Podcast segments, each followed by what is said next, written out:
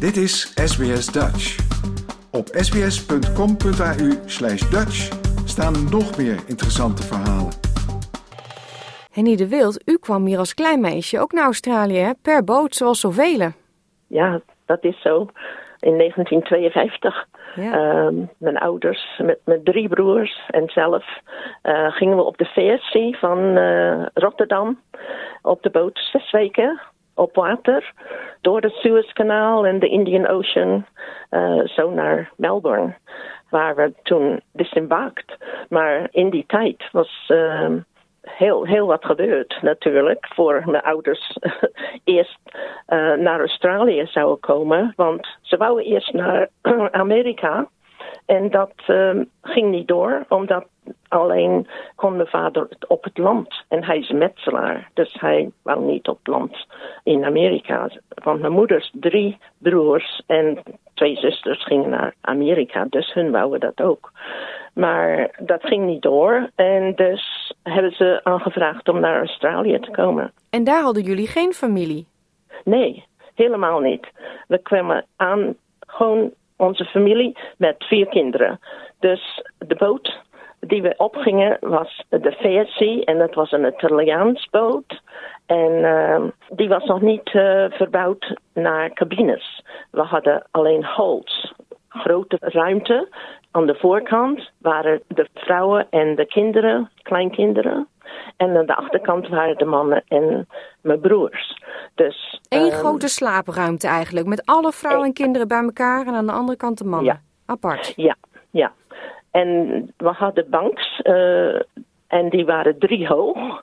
Dus mijn moeder eh, en ik en mijn jongste broer, vier, hij was vier jaar, eh, was bij ons. En dan mijn vader met mijn twee broers waren in de achterkant. Maar moeder had veel zeeziekte en die kon haast niet van de bed af. Dus ik was negen jaar. Dus ik moest naar achter mijn kleine broer zorgen. En mijn vader had alleen komen op bezoeken, alleen smiddags. Op een zeker uur. Want er waren zoveel vrouwen die ziek lagen op bed. Dus er konden eh, niet altijd mannen doorlopen. Nee. En dat was moeilijk Ja. natuurlijk. En er was ook geen ruimte waar jullie je konden vermaken met een spelletje of zo. Het was echt die ruimtes Nee. waar jullie ook sliepen. Ja, het was alleen maar slaapruimte met gordijnen ertussen. En eh, alleen een, een hallway waar je kan lopen. Maar dat, verder kon je... Het was geen spel, speelruimte, nee. Nee. Dus eh, ik nam mijn kleine broer op dek waar vader was. En daar moesten we ons vermaken. Mhm. En eh, mijn moeder had een bolletje groene wol meegenomen. Nou, ik hou veel van hand- handwerken en ze had me leren breien. Maar ze had vergeten pennen mee te nemen. Dus ik nam twee, twee luciferstokjes en een punt eraan gemaakt. En toen heb ik het voor drie steken, of vier steken waren het, heb ik zo een hele lange rij van die groene wol, heb ik zitten breien de hele eh, lengte. Wauw. En eh, zo vermaakte ik. Ja, want dat mezelf. wilde ik eigenlijk vragen. Als een klein meisje van negen, zes weken op zo'n schip waar je eigenlijk Ja. weinig kan bewegen, duurde Ja. dat niet heel erg lang? Of is dat wel snel voorbij? Ja, het was ook wel eh, ontzettend lang. Ik had mijn pop bij me, dus ik vermaakte mij wel veel. Eh, maar ook hadden we puisten. ehm, omdat misschien we niet genoeg vers eten hadden, weet ik niet hoe dat was. Geen maar eh, een hoop mensen kregen puisten. En ik en mijn broer Henk, allebei. En elke morgen moesten we in de rij staan zodat de dokter of de, de zuster eh, de pleister eraf kan trekken en dan een nieuwe pleister erop te doen. Eh, maar het, wa- het was wel erg. Dat was eh, heel, die puisten waren verschrikkelijk Mhm. toen, je klein, toen je klein was om dat te doen. Ja. Dus dat was niet fijn. Was het een, Maar- een hele, hele smooth trip? Was het een rustig water? Of? Nee, nee, daarom. Nou, het was wel rustig tot we uit de Suez kwamen. Suezkanaal. Eh, we gingen door de Mediterranean en door de Suezkanaal.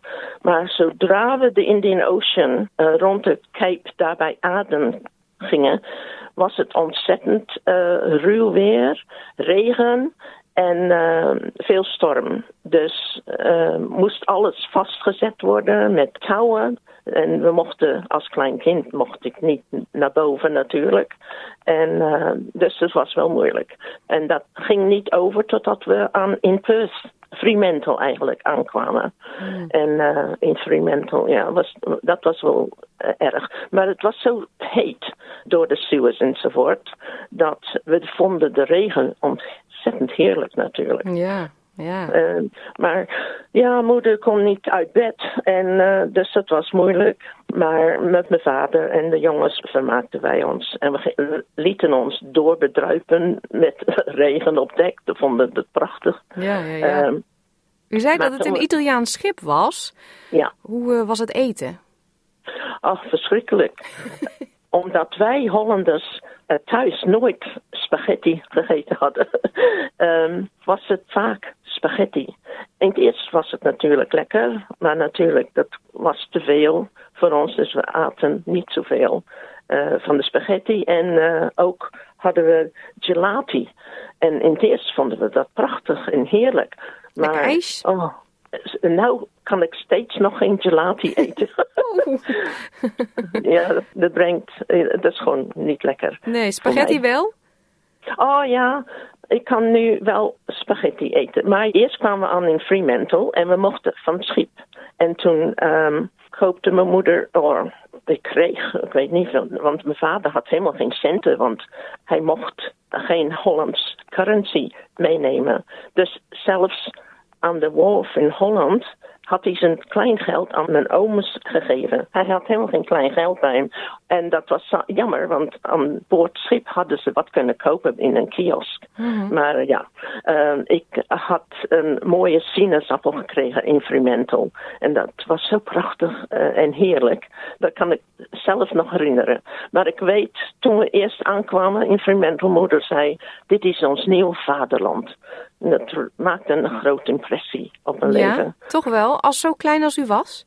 Ja, toen we aan boord stonden, ja. Maar ze wouden graag van het schip af. Maar ja, dat mocht niet, omdat we moesten door naar Melbourne toe. Dus vader had gezegd, nou, we komen terug. En we gaan hier wonen, want het is mooi. En ze vonden het een prachtig land. Maar we gingen weer op het schip en door de Great Australian Bight. En of course, we hadden weer ontzettend storm door die bight.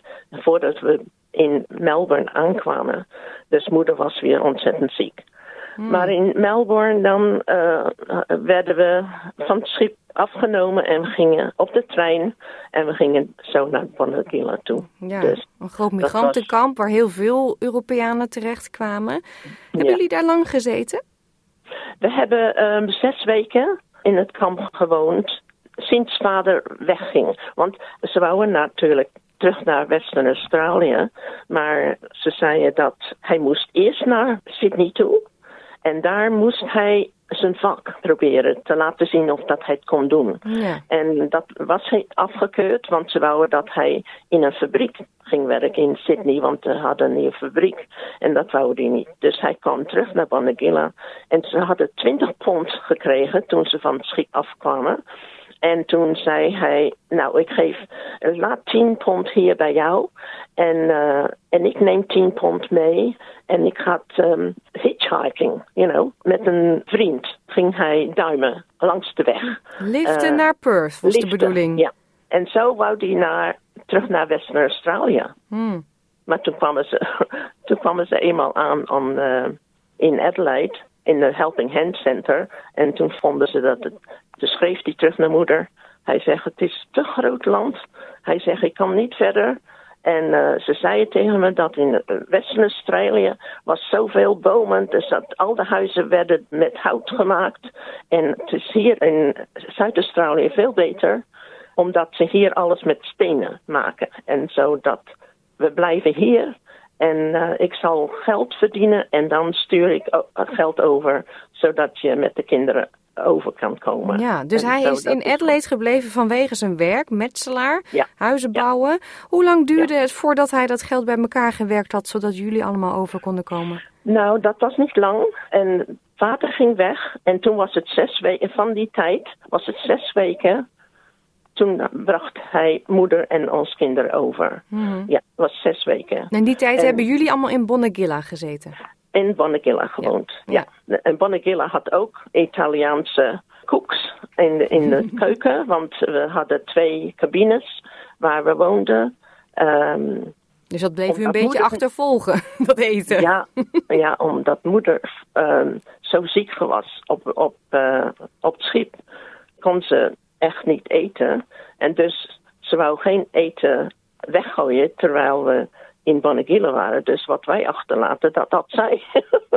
Omdat ze natuurlijk door de oorlog zijn gekomen. Dus het was zonde om iets weg te gooien. Hmm, Dus ze had het toen, ja.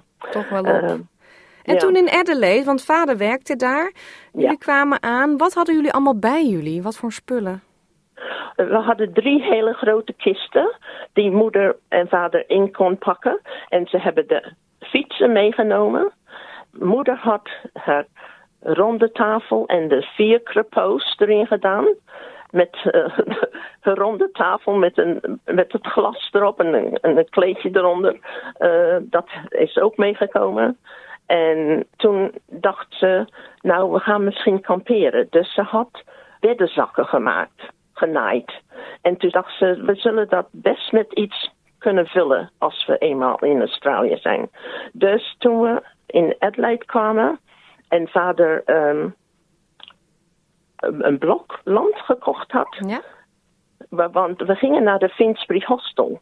Daar woonden we vier maanden voordat hij genoeg geld had om- om een blok land te kopen. Ja. En toen hij dat blok land had, toen zijn ze naar Semaphore gefietst. Dat is de strand dichtbij. Maar er was altijd een hoop zeewier. En dus daar hebben ze die zakken opgevuld met zeewier. En dat hebben ze teruggebracht. En wij hebben haast vijf jaar op zeewier zakken geslapen. Als bed. Dat- Als bed, ja. En dat hebben ze dan in. Toen we op het land kwamen, had vader een asbestos shed gemaakt. Nou, zou je geen asbestos gebruiken natuurlijk. Nee. Maar, Andere eh, dat tijden. ja, en dat heeft hij dan allemaal met 2x4's heeft hij dat aangemaakt. En mijn moeder die had velvet curtains en dus die werden opgehangen. en eh, de koekenklok werd opgehangen. De koekoeksklok. Ja, en toen een van die kisten had ze buiten en ze had eh kerosine eh, koekers van die ehm, voor kamperen natuurlijk. zo'n klein gasstelletje. Daar, ja, gasstellen. En daar kookte ze ons eten op. En eh ander blad had ze op de ronde tafel gedaan met een kleed eronder. En dat was ons tafel binnen. Ja, dus het was een beetje behelpen. Maar ik vind uw ouders wel heel inventief al voor die tijd. En dat ze overal Ja. van tevoren al aan gedacht hebben. Ja, ja, daar heb ik vaak over gedacht.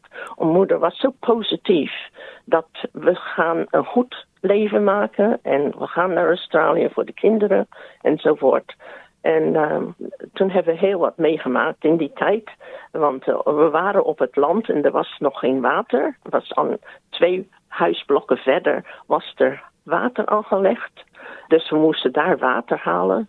Maar in de tussen hebben we huisblokken gemaakt. Want vader die had een cement en zand en grind gekocht. En we Eigen bakstenen eigenlijk. En, en bakstenen gemaakt. Ja, en dat hebben we dat allemaal met al de kinderen eh, hebben we daar meegeholpen om dat te- bakstenen maken. En toen hebben we genoeg eh, stenen gemaakt om een temporiehuis te bouwen. Naast het hokje. Maar dat kleine shed dat we, waar we in woonden. Het was zo heet die zomer toen we daarin gingen. En toen plotseling hadden we een regenbui erop. En natuurlijk, die plaat asbestos werd zo heet. En dan de regen erop, dus dat krekte overal. En eh, toen moesten we het water vangen in pannetjes en potjes en wat ook. Dus Toch een beetje kamperen. was ontzettend veel kamperen. Ja. Met al het spul wat we bij ons hadden. Ja. En uw vader ja. was dus de metselaar en die heeft uiteindelijk eigenlijk kamer voor kamer steeds het Ja. huis groter gemaakt en zelf het huis opgebouwd. Ja, toen hebben we een temporary huis gemaakt. En daar hebben we vijf jaar in gewoond. En toen in die tijd hebben we meer stenen gemaakt. Met een cementmixer deze keer. En toen hebben ze de stenen voor een twee-story huis zelf gemaakt. De binnenstenen, maar de buitenstenen hebben ze gekocht. Mhm. Dus het was een, uh, werd een heel groot huis. Ja. Met um, boven slaapkamers en een kelder eronder en een, en een wel, een regen, regentuig um, wel eronder. Een put. Dus ja, een put, Ja. ja. Ja, wat een eh, verhalen toch altijd van die generatie. Ik heb zoveel respect voor hen.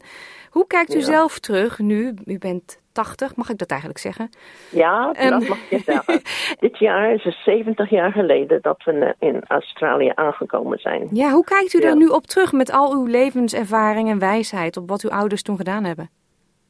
Ja, dat hebben we meegelopen. Eh, en, en natuurlijk, andere mensen hier in Australië zijn geïnteresseerd in wat we gedaan hebben. Dus ja, af en toe dan werd je gevraagd om je verhaal te vertellen. Dus ik herinner het ontzettend goed. Ja. eh, al dat we gedaan hebben, natuurlijk. En, ehm, en waar we gewoond hebben en hoe het ging op school en, en eh, waar we gefietst hebben en zo in, in Zuid-Australië. Dus eh, we hebben al die tijd in Zuid-Australië gewoond, natuurlijk. Hmm. Ehm, en ik ben een Hollander getrouwd. Eh, not, niet dat we nu vaak Hollands zelf praten thuis. Hmm. Maar ik schrijf nog naar mijn zwager in Holland. En ook mijn schoonzus. Dus eh, ik houd de taal een beetje bij. Maar ik spreek het niet vaak. En Nou, dat is niet te horen hoor. Gaat hartstikke goed. Zo af en toe moet ik eh, werkelijk zoeken naar woorden. Ja, Eh, het- ik, ik- ik vind doe het het een graag. geweldig mooi verhaal. Dank u wel, Henny de Wild, dat u dit wilde vertellen aan onze luisteraars. Ontzettend fijn om te doen. Oké. Like, deel, geef je reactie. Volg SBS Dutch op Facebook.